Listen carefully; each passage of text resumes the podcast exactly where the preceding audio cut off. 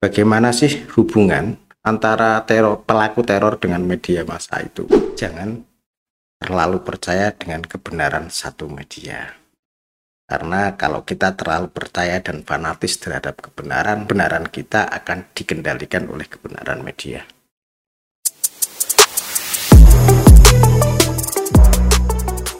Aksara Kali Jaga, bincang-bincang ilmiah, Ngobrol penuh rasa, di bawah santai aja. Assalamualaikum warahmatullahi wabarakatuh. Halo Bestara, selamat datang di episode perdana Aksara Kali Jaga. Di mana lagi kalau bukan di Kompos, KPI Suka Podcast. Nah, di episode perdana ini nih, oh ya sebelumnya perkenalkan dulu ya, namaku Sania Arini, biasa dipanggil Arin. Aku bakalan nemenin kalian semua pada hari yang bahagia ini. Kenapa bahagia? Karena ini adalah episode perdana dari Aksara Kali Jaga di KPI Suka Podcast ini. Hari ini nih kita kedatangan bintang tamu yang amazing banget nih pokoknya. Siapa sih yang nggak tahu beliau Amazing. gitu? Ya nggak pak? Amazing itu lebay nanti. Beliau terkenal humble dengan semua orang, mahasiswa maupun para dosen juga. Beliau juga merupakan seorang dosen aktif secara akademis di UN Sunan Kalijaga, khususnya di program studi komunikasi dan penyiaran Islam. Beliau adalah kaprodi kita, Bapak Nanang Miswar Hashim S. SOS MSI. Selamat siang Bapak. Selamat siang. Mbak Bagaimana? Siapa tadi namanya? Mbak Arin Pak. Mbak Ari. Selamat siang Mbak Ari. Iya. Bagaimana kabarnya Mbak Ari? Alhamdulillah. Bapak sehat? Alhamdulillah sehat juga. Alhamdulillah. Nah, kelihatannya hari ini Pak Nanang nih udah seger, dah semangat banget nih karena kita Ya, habis mau. makan siang tadi. Alhamdulillah udah makan siang bapaknya. Kelihatan eh, jadi para Bastara, hari ini kita bakalan ngebahas salah satu jurnal yang Bapak Pak Nanang tulis di e-jurnal Universitas Darussalam Gontor ya Pak. Iya. Ya, dipublish di situ. Teman-teman kalau mau cari boleh tuh cari di websitenya. Berjudul Bias Pemberitaan Media Online dan Mainstream di Indonesia. Keren banget nggak tuh judulnya? Jadi untuk breakdown sedikit nih, jadi jurnal ini membahas tentang keterkaitan antara terorisme dan media massa gitu ya Pak. Hmm, hmm, hmm. Menarik banget nggak tuh? Padahal yang kita tahu terorisme dan media massa itu kan dua hal yang berbeda nih. Hmm, Dan mungkin hubungannya kalau dicari hubungannya pun mungkin sedikit gitu ya Pak. hmm. Nah daripada kita bingung nih, kenapa sih kok terorisme dihubungkan dengan media massa dan kita ngalor ngidul nggak tahu pembahasannya atau gimana? Kita langsung aja bahas langsung dari penulisnya yaitu Pak Nanang. Boleh ya Pak kita kupas jurnal Bapak di sini? Boleh, boleh. Oke. Nah, pertama-tama nih Pak, bisa nggak Bapak ceritakan kenapa sih Bapak memilih isu ini untuk dibahas di jurnal Bapak ini? Ya, pertama-tama memang karena kemarin dulu waktu tahun kira-kira tahun 2018 saya melihat banyak sekali tentang pemberitaan mengenai terorisme. Kebetulan kan eh, saya sebagai dosen yang memang punya apa ya punya tugas untuk mengapu mata kuliah komunikasi massa. Iya. Ketika berbicara tentang komunikasi massa, maka berbicara tentang media massa. Nah, dari situ saya kok cukup tertarik banget ini mengenai tentang berbicara tentang terorisme dan media massa. Nah, di dalam teori media massa itu kan ada teori konstruksi sosial atas media massa yang mungkin penjelasannya adalah pada penjelasannya punyanya eh, teorinya Peter Arberger tentang konstruksi sosial dan kemudian dikembangkan oleh salah satu tokoh yang mengembangkan teori tersebut ketika konstruksi sosial dalam interaksi sosial eh, secara nyata ini dikonstruksi ternyata media massa punya kekuatan untuk mengkonstruksikan sebuah realitas. Artinya bahwa realitas di dunia nyata itu dikonstruksikan di dalam wacana atau di dalam pemberitaan-pemberitaan media massa. Tentunya antara realitas nyata dan realitas di media itu sangat berbeda. Karena apa? Karena realitas di media ini adalah sebagai sebagian kecil keterwakilan atau sebagian kecil juga yang bisa merepresentasikan sebuah peristiwa nyata. Lah dalam konteks ini uh, kenyataan atau peristiwa yang saya teliti adalah mengenai tentang terorisme. Apalagi pada saat itu uh, muncul juga kecenderungan-kecenderungan ketika berbicara tentang terorisme selalu berbicara tentang Islam. Ketika ada wacana atau berita-berita mengenai terorisme itu disangkut pautkan dengan Islam. Ya, dalam konteks ini saya pada saat itu ingin meneliti bagaimana sih uh, keterhubungan antara media dan terorisme. Pak, khususnya pada pemberitaan-pemberitaan terorisme yang ada di media online mainstream di Indonesia. Dan kira-kira dari hasil dari hasil analisis tentang pemberitaan tersebut adakah bias tentang pemberitaan terorisme itu khususnya pada identitas Islam? Begitu. Oh, begitu. Kurang lebih seperti itu. Baik. Jadi memang ada beberapa hal ya yang memang apa di, saya temukan dalam uh, dalam penelitian saya pada saat itu yang kemudian saya bukukan menjadi artikel ini. Uh, salah satunya adalah uh, melalui analisis wacana yang apa yang saya lakukan sebagai pisau analisisnya saya menemukan bias dan dari pemberitaan terhadap tindak terorisme berupa pelabelan terhadap Islam sehingga berdampak pada uh, terciptanya Islamophobia. Ada juga temuan uh, temuannya yang yang yang yang isinya adalah terdapat hubungan yang kuat juga antara pelaku teror dengan media massa pada saat itu. Dan mungkin uh, sebagai saran saja untuk penelitian ke depan dari dari beberapa yang sudah saya lakukan adalah meneliti tentang uh, bagaimana sih hubungan antara teror pelaku teror dengan media massa itu. Ini lebih dalam karena di dalam penelitian saya itu saya juga menemukan ada hubungan simbiosis mutualisme. Salah satunya media massa di yang punya fungsi komersil salah satunya ya Artinya apa? Setiap pemberitaan yang dapat perhatian banyak itu juga ada sisi-sisi komersilnya dengan sifat media massa. Sehingga isu teror itu menarik untuk dipublis. Menarik untuk dipublis dan mendapatkan perhatian masyarakat. Ketika mendapatkan perhatian masyarakat maka akan berhubungan dengan pendapatan media. Pun dari itu juga dalam sisi pelaku teror atau sisi pelaku terorisme pemberitaan yang terus-menerus di media massa ini juga dianggap mampu mempertahankan eksistensi pelaku terorisme dan ini juga bisa sebagai media sosialisasi untuk jaringan-jaringan terorisme yang ada. Ini perlu mungkin yang di bawah yang terakhir ini adalah perlu sebuah apa rekomendasi penelitian lanjutan apakah benar pemberitaan-pemberitaan tentang terorisme atau tindakan-tindakan terorisme yang ada di media massa selama ini juga mendapat mendatangkan manfaat bagi pelaku teror untuk berkomunikasi ataupun sebagai media eksistensi mereka. Ini mungkin perlu nanti narasumbernya adalah para pelaku-pelaku terorisme. Tapi sampai sampai sampai saat ini belum saya belum menemukan uh, referensi terkait penelitian-penelitian yang mengarah ke situ. Oh begitu. Jadi bisa dibilang karena pemberitaan media juga berbeda gitu realitasnya dengan yang nyata gitu ya Pak. Bisa seperti itu ya? Ya bisa tidak berbeda cuma sebagian kecil. Ibaratnya gini. Jadi saya analogikan bahwa kita melihat sebuah pertarungan apa pertarungan dua kelompok besar ya di di luar rumah kita. Di situ ada 50 orang ternyata kita melihatnya hanya dari sisi dari jendela kita. Jendela kita buka yang terlihat tidak 50 orang tapi hanya beberapa orang saja. Ya, itu realitas di media massa sama sama aja seperti itu.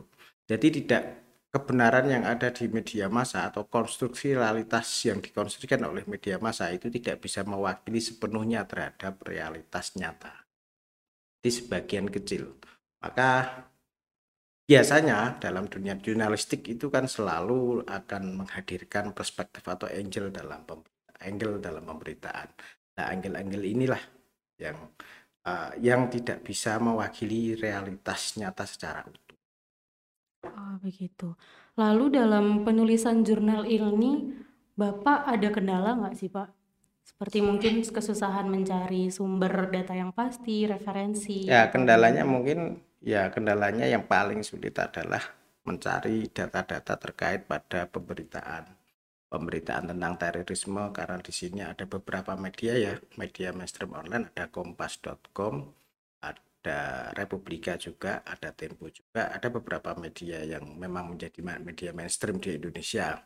Saya cari tentang pemberitaan-pemberitaan yang memang khusus pembahasannya terhadap eh, pemberitaan perilaku tindak terorisme dan juga minimnya referensi tentang penelitian-penelitian yang berhubungan dengan eh, relasi kuasa atas media dan terorisme dan juga minimnya referensi tentang penelitian-penelitian tentang terorisme yang itu sangkut pautnya dengan media. Sehingga ini mungkin perlu kerja keras yang lebih untuk mencari data-data tersebut.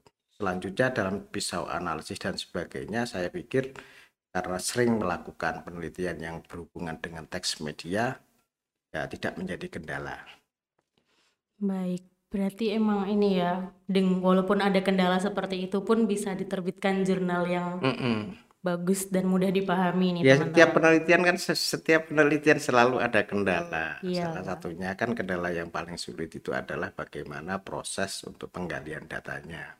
Karena ini adalah kajian-kajian kajian kualitatif literasi, saya pikir kendala kendala yang bisa dihadapi bisalah di apa di kita kita cari gitu ya. Karena berbasis berbasis big data ya bisa kita cari. Cuma pada kendala-kendala biasanya penelitian field research itu kan yang sulit juga karena apa? Ya kadang terkadang kita mencari narasumber itu kadang narasumbernya nggak bisa atau narasumbernya sudah tidak ada dan itu itu yang bikin apa bikin sulit juga dalam penelitian-penelitian yang kita lakukan yang sifatnya field research itu. Lalu Pak, membahas tentang media massa nih. Kan kita bisa melihat ya, karena media massa itu ada beberapa yang dia mungkin terlalu berpihak atau mementingkan kepentingan pemilik media gitu. Nah, itu menurut Bapak gimana sih media massa yang terlalu mementingkan keuntungan gitu? Atau mungkin berpihak kepada satu organisasi atau bagaimana gitu? Seharusnya kalau dalam konteks ideal eh, sifat media massa itu seharusnya netral, berimbang, objektif dan lain sebagainya. Tidak ada sisi-sisi opini atau sisi-sisi subjektivitas. Seharusnya seperti itu. Akan tetapi kalau kita menggunakan parameter misalkan paradigma ekonomi politik media dan sebagainya, setiap media punya agenda. Salah satu agenda ditopang oleh fungsi media itu sendiri. Ada banyak fungsi media menurut tokoh ya. Salah satunya adalah to, info, to information, to educative, to, terus habis itu untuk to persuasif, terus ada juga yang untuk hiburan, entertain, dan juga ada ya memang ada sisi-sisi yaitu untuk komersil. Kehadiran kapitalisme dan sebagainya itu kan e, merubah wajah media menjadi fungsi media dianggap sebagai sebuah eh, lembaga yang menghasilkan untung sebesar-besarnya juga ada sisi-sisi tersebut. Tapi eh, secara realitas memang memang kalau dalam konteks idealitas media akan sulit berkembang dan sulit hidup juga. Karena apa? Mata pencaharian media untuk membayari karyawan dan sebagainya itu memang harus ada penghasilan dari media itu sendiri ya secara ideal fungsi media apalagi dari konteks hubungan demokrasi ada trilogi ada pemerintah media dan masyarakat media punya fungsi sebagai kontrol. Media punya fungsi sebagai apa ya educate. Terus media juga fungsi sebagai informasi menginformasikan hal-hal yang mungkin tidak dimengerti oleh pemerintah bahwa masyarakat menginginkan ini seperti itu atau sebagai saluran-saluran hingga terjadi sebuah proses demokratisasi gitu ya kalau menyikapi tadi menyikapi tentang media yang uh, digunakan sepenuhnya sebagai lembaga penghasil laba yang sebesar-besarnya, saya pikir ini bertentangan dengan idealisme media itu. Idealisme media adalah bagaimana media menghasilkan informasi, informasi, informasi yang informatif, edukatif, dan punya uh, punya kontrol dan juga punya fungsi sebagai transmisi of the culture itu. Lalu bagaimana sih Pak cara kita tuh membedakan gitu biar kita nggak tergiring opini media yang mungkin menggiring terlalu membesarkan satu tokoh lalu menjelekkan tokoh yang lain gitu. Bagaimana kita membedakan media yang benar-benar memberitakan hal yang benar dan media yang hanya meraih ke, meraup keuntungan saja? Ya, Mungkin ini dari sisi saya. Kalau sisi saya, kalau misalkan pengalaman saya menghadapi hal-hal seperti itu, salah satunya misalkan pada konteks kontestasi politik ya. Pada saat pemberitaan dulu ketika Pilpres, ada dua dua media yang memang sangat-sangat kelihatan dan mencolok keberpihakannya. Kalau saya melihat bahwa jangan percaya dengan kebenaran media hanya dari satu media saja tapi cobalah untuk melakukan sebuah proses uh, literasi. Salah satunya misalkan kita berbicara atau membaca berita tentang isu A. Jangan hanya bersumber pada satu media tapi cari juga pemberitaan-pemberitaan media lain yang punya angle berbeda. Di situ mungkin kita akan menemukan titik titik apa ya titik temu. Titik temu sebenarnya problem atau realitas yang ada itu seperti apa, tidak dalam frame satu media saja. Saya melakukan biasanya seperti itu sehingga eh, atau juga melakukan proses tabayun ya. Tabayun itu konfirmasi terhadap realitas berupa misalkan kalau tidak kita tidak bisa langsung pada kejadiannya, mungkin kita bisa cari informasi-informasi atau terkait berita-berita atau kajian-kajian yang berkenaan dengan isu yang dibicarakan itu. Jadi sekali lagi jangan terlalu percaya dengan kebenaran satu media. Karena kalau kita terlalu percaya dan fanatis terhadap kebenaran, maka kebenaran kita isu kebenaran kita akan dikendalikan oleh kebenaran media. Oke, jadi intinya kita tetap harus meresearch lagi ya, nah, Pak. Terkait pada hasil penelitian saya gini kan, uh, saya meneliti tentang apa meneliti tentang bias pemberitaan terorisme dan sebagainya dengan analisis uh, wacana. Di situ saya menemukan salah satunya adalah bagaimana aktor-aktor itu dibahasakan dalam teks media. Mungkin dengan cara-cara penyebutan, penyebutan nama menjadi pengganti dan sebagainya.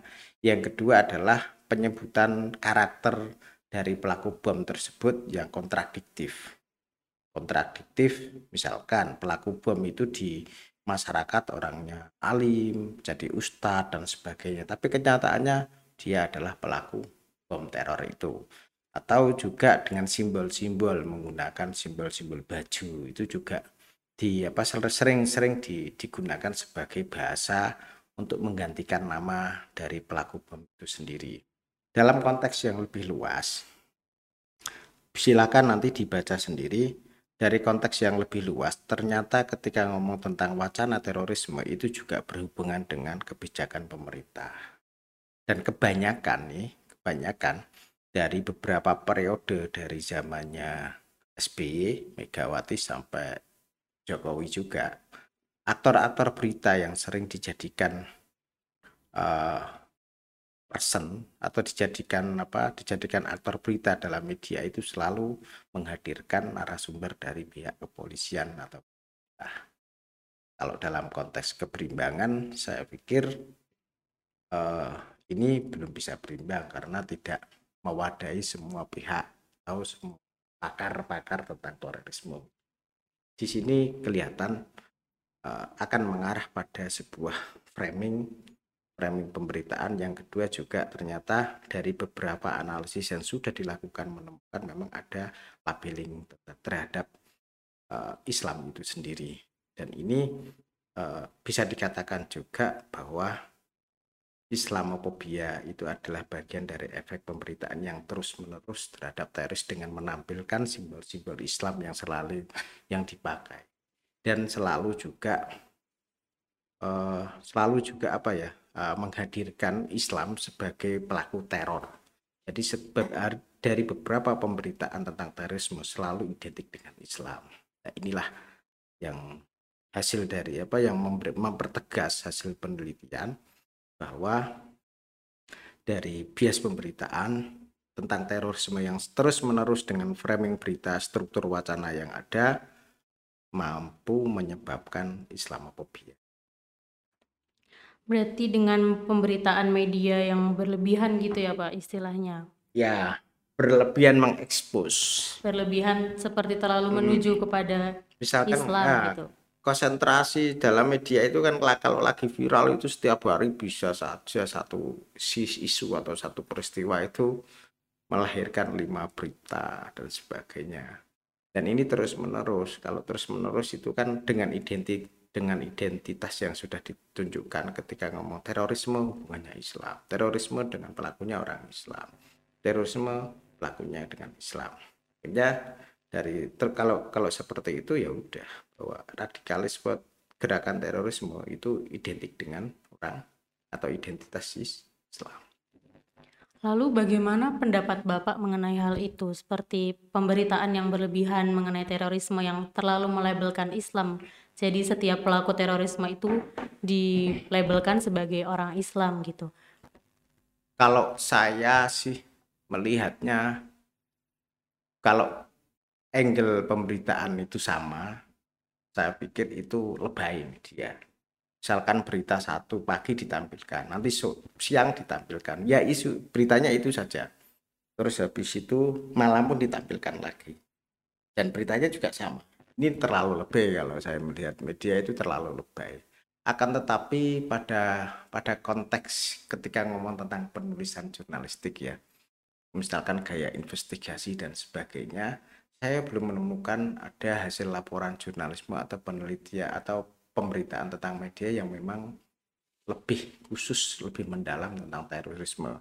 Misalkan salah satunya adalah wartawan mampu menghadirkan pelakunya. Wartawan mampu menghadirkan apa? Menghadirkan eh, ini jaringan-jaringan dari pelaku teror tersebut dalam narasumber pemberitaan. Saya belum menemukan, tapi selama ini yang ada, yang ada itu adalah narasumbernya dari pihak pemerintah, polisi dan sebagainya. Yang saya dapatkan dari data yang sudah saya kumpulkan dan sehingga menghasilkan tulisan ini.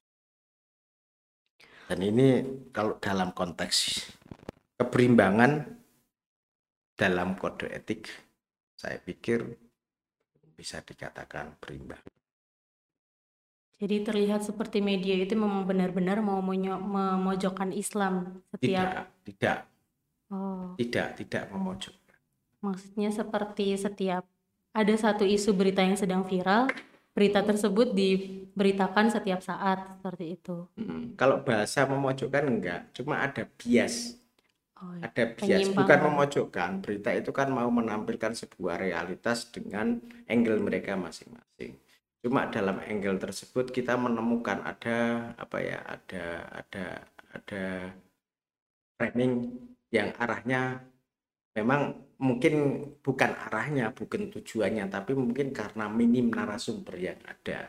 Misalkan gini, saya kasih contoh saja. Ada pemberitaan demonstrasi mahasiswa di UIN Sunan Kalijaga Yogyakarta. Terus habis itu dalam pemberitaan tersebut ada tiga narasumber dari mahasiswa, ada satu narasumber dari dosen. Kira-kira opini yang mengalir opininya siapa? Opini mahasiswa Ya, seperti karena lebih banyak narasumber mahasiswa. ah, ya, seperti itu. Oh, Nah, kalau misalkan dalam pemberitaan terorisme ternyata di dalam berita tersebut berisi tentang narasi atau statement dari satu polisi dan itu lebih banyak dibandingkan dengan satu statement dari narasumber yang bukan polisi. Kira-kira opininya arahnya ke mana? ke yang polisi. Ya seperti iya. itu. Artinya tidak tadi kalau dengan memojokkan tidak. Pak. Hmm, Ini bagian dari framing berita kan seperti itu. iya. Kurangnya kerataan narasumber gitu ya, Pak. Iya, Dua makanya sisi ke- yang seharusnya sama. ada keberimbangan. Salah satunya adalah keberimbangan dalam Hmm. porsinya, keberimbangan dalam jumlah narasumbernya, keberimbangan dari apa dari pihak-pihak yang terkait terhadap peristiwa itu, sehingga tidak ada apa ya, ya tidak ada nanti saya yakin tidak ada bias ke situ. Adanya adalah ini dari uh, perspektif yang berbeda sehingga menghasilkan sebuah edukasi. Lalu dikatakan dengan adanya pemberitaan di media massa ini juga secara tidak langsung memenuhi tujuan publisitas, Pak. Hmm. Uh, tujuan publisitas para teroris khususnya serta menanamkan rasa takut kepada masyarakat itu akibatnya hmm. ya pasti. Hmm. Lalu apakah hal ini kemudian menguntungkan teroris? Ya. Kalau secara ini bisa dikatakan asumsinya bisa dikatakan menguntungkan teroris. Hmm. Karena pemberitaan yang menerus-menerus tentang ke, tentang pelaku teror atau tindakan terorisme dan sebagainya ini akan memperbesar eksistensi terorisme atau misalkan oh ya sebagai ada juga tapi tadi saya bilang di, di, di awal bahwa saran penelitian ini adalah nanti untuk penelitian apakah benar e, media ini dimanfaatkan oleh bukan medianya dengan keberadaan media teroris pelaku teror itu merasa diuntungkan untuk eksistensi dia tapi sampai saat ini saya belum menemukan itu kemungkinan besok akan dibahas di seminar internasional tentang.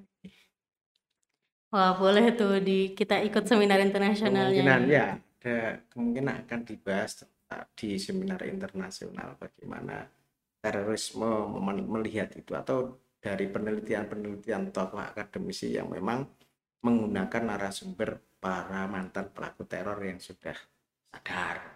Hmm. Lalu seperti yang Bapak tadi bilang di awal bahwasannya ada adanya simbiosis mutualisme antara terorisme hmm. dan media massa. Hmm. Itu simbiosis mutualisme dari sisi apa dan bagaimana sih, Pak?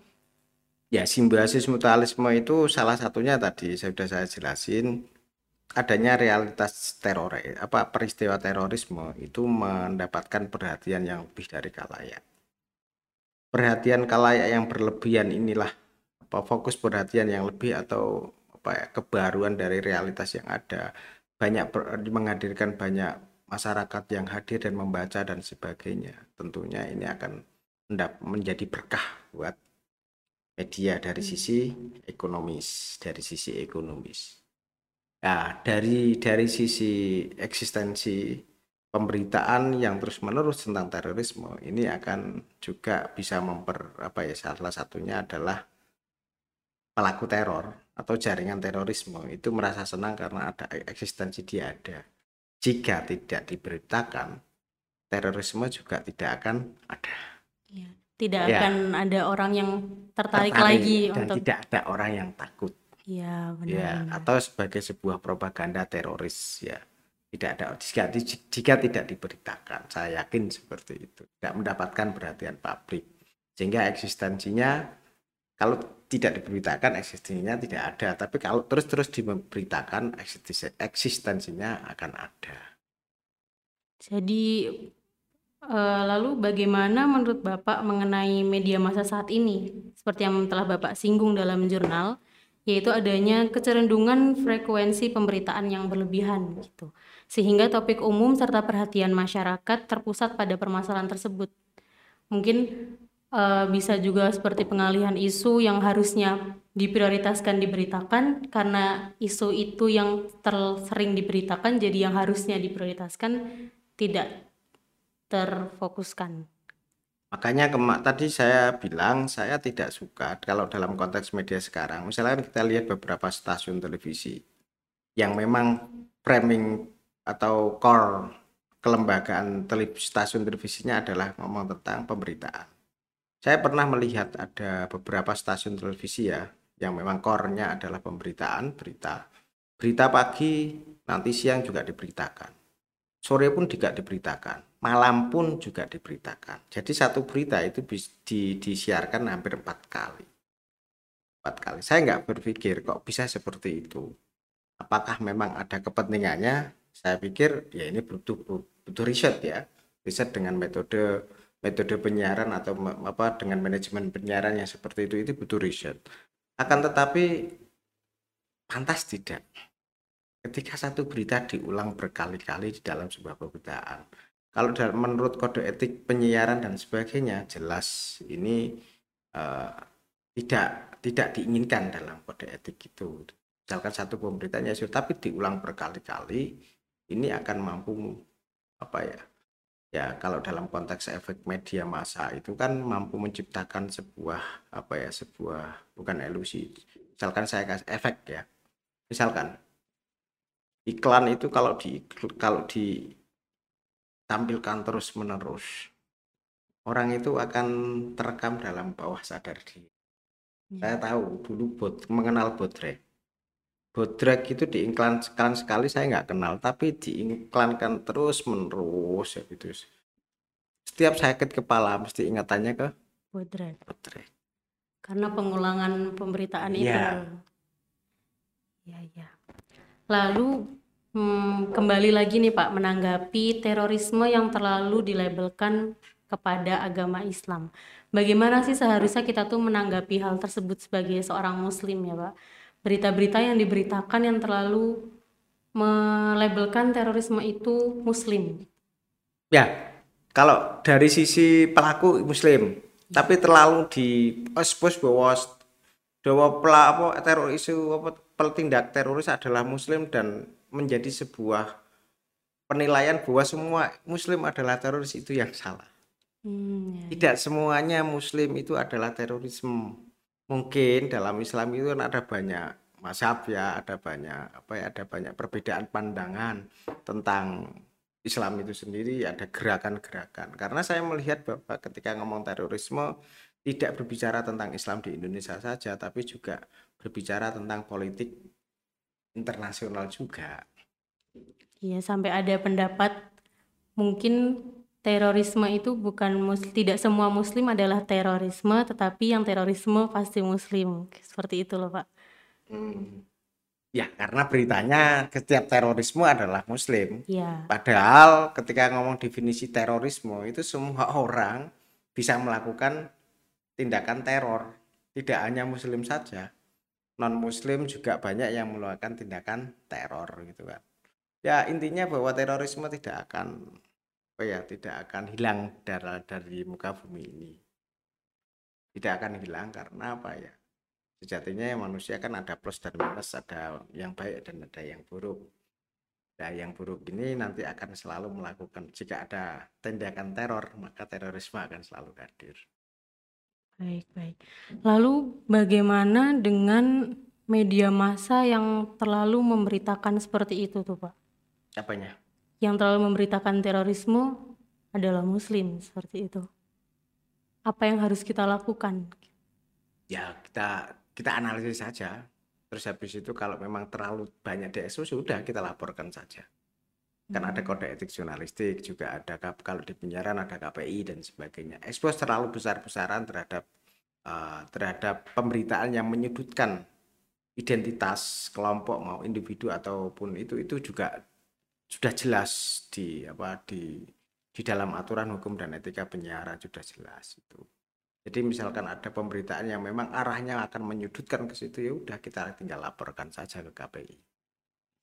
Ya Baik, kita harus lihat apa menjadi orang itu harus bisa melakukan sebuah gerakan namanya literasi media. Berarti kita sebagai para penikmat media juga harus memilah lagi ya, Mm-mm. Pak.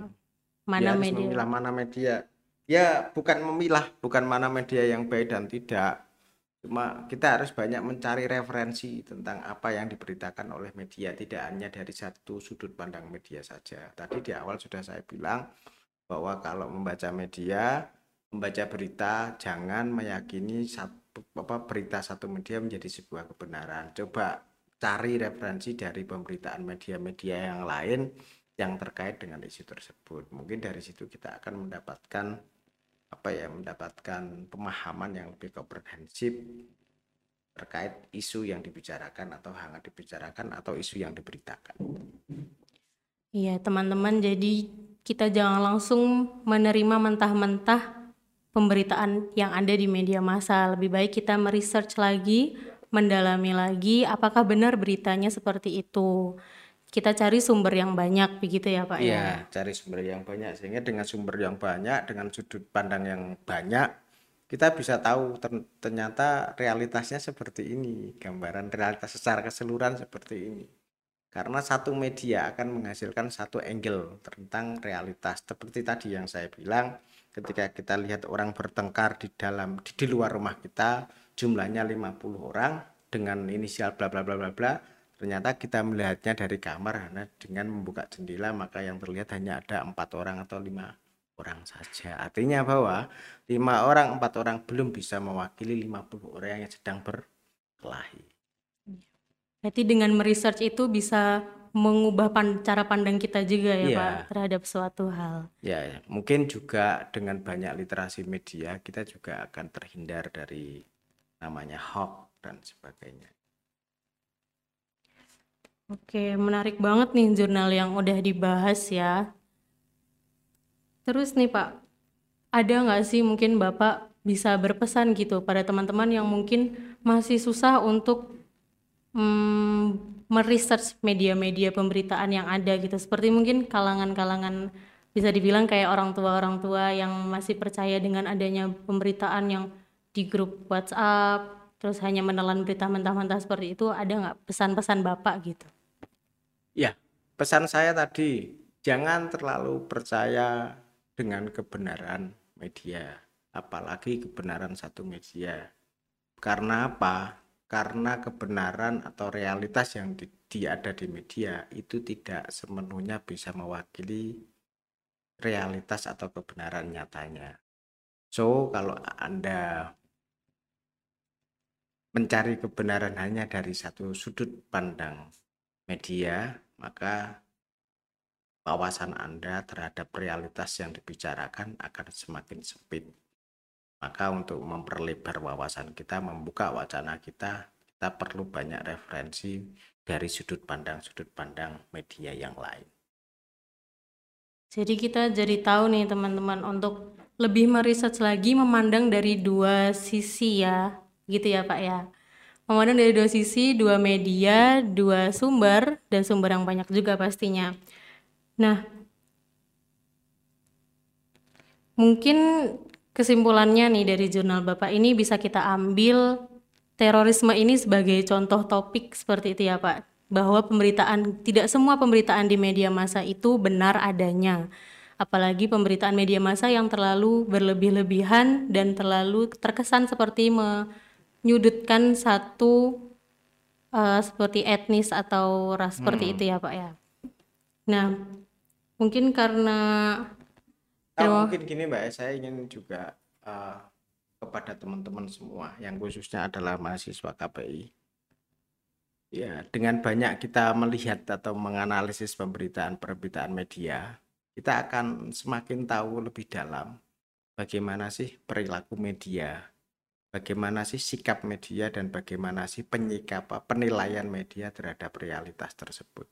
Mungkin kecenderungan yang selalu digunakan ini akan bisa membuat uh, sebuah kesimpulan terhadap keperbiakan media. Kita juga akan tahu juga lebih dalam bagaimana perbedaan-perbedaan penyikapan media terhadap realitas yang ada kadang-kadang ada pro dan kontra antara media satu dan media yang lain. Saya pikir eh, teman-teman KPI sebagai prodi komunikasi dan penyiaran Islam yang memang salah satunya adalah concernnya adalah di media massa. Saya berharap teman-teman KPI ini selalu melakukan analisis-analisis tentang pemberitaan, ya analisis tentang pemberitaan yang dikonstruksikan oleh media. Apakah pemberita yang digunakan sudah sesuai dengan kode etik atau tidak, atau juga bermanfaat untuk kalayak atau tidak? Itu saja, Mbak yang ingin saya sampaikan. Baik, wah terima kasih banyak nih Pak Nanang atas ilmunya gitu. Ilmunya mengenai jurnal ini jadi kita bisa lebih tahu bagaimana sih Bukan mengenai jurnal, mengenai media dan terorisme. Oh iya, mengenai media dan terorisme ini. Jadi tadi di awal kita bingung apa sih hubungannya terorisme dan media massa dan karena sudah mengupas jurnal yang ditulis oleh Pak Nanang ini, kita jadi tahu bahwa terorisme dan media massa ini saling berhubungan gitu. Nah, terima kasih banget nih Pak Nanang udah hadir di episode pertama Sama-sama. episode perdana. Acara apa tadi? Aksara Kali Acara Jaga. Kali Jaga selalu in dan Amin. langgeng. Amin. Boleh banget nih teman-teman yang mungkin masih mau bertanya atau kebingungan, mungkin boleh langsung nih buat janji sama Pak Nanang buat diskusi gitu ya Pak ya. Bisa, bisa. Nah, jangan khawatir nih teman-teman, kita masih banyak episode-episode yang lainnya dan dengan tentunya dengan bintang tamu-bintang tamu yang lebih hebat dan lebih bisa me-share ilmu yang lebih banyak lagi. Kita ucapkan terima kasih banyak-banyaknya kepada Pak Nanang selaku Kaprodi KPI yang telah bersedia meluangkan waktunya untuk membagi ilmunya di Aksara Kalijaga ini. Saya Sania Arini Hidayah pamit undur diri. Terima kasih. Wassalamualaikum warahmatullahi wabarakatuh. Waalaikumsalam. Aksara Kalijaga, bincang-bincang ilmiah Ngobrol penuh rasa, di bawah santai aja.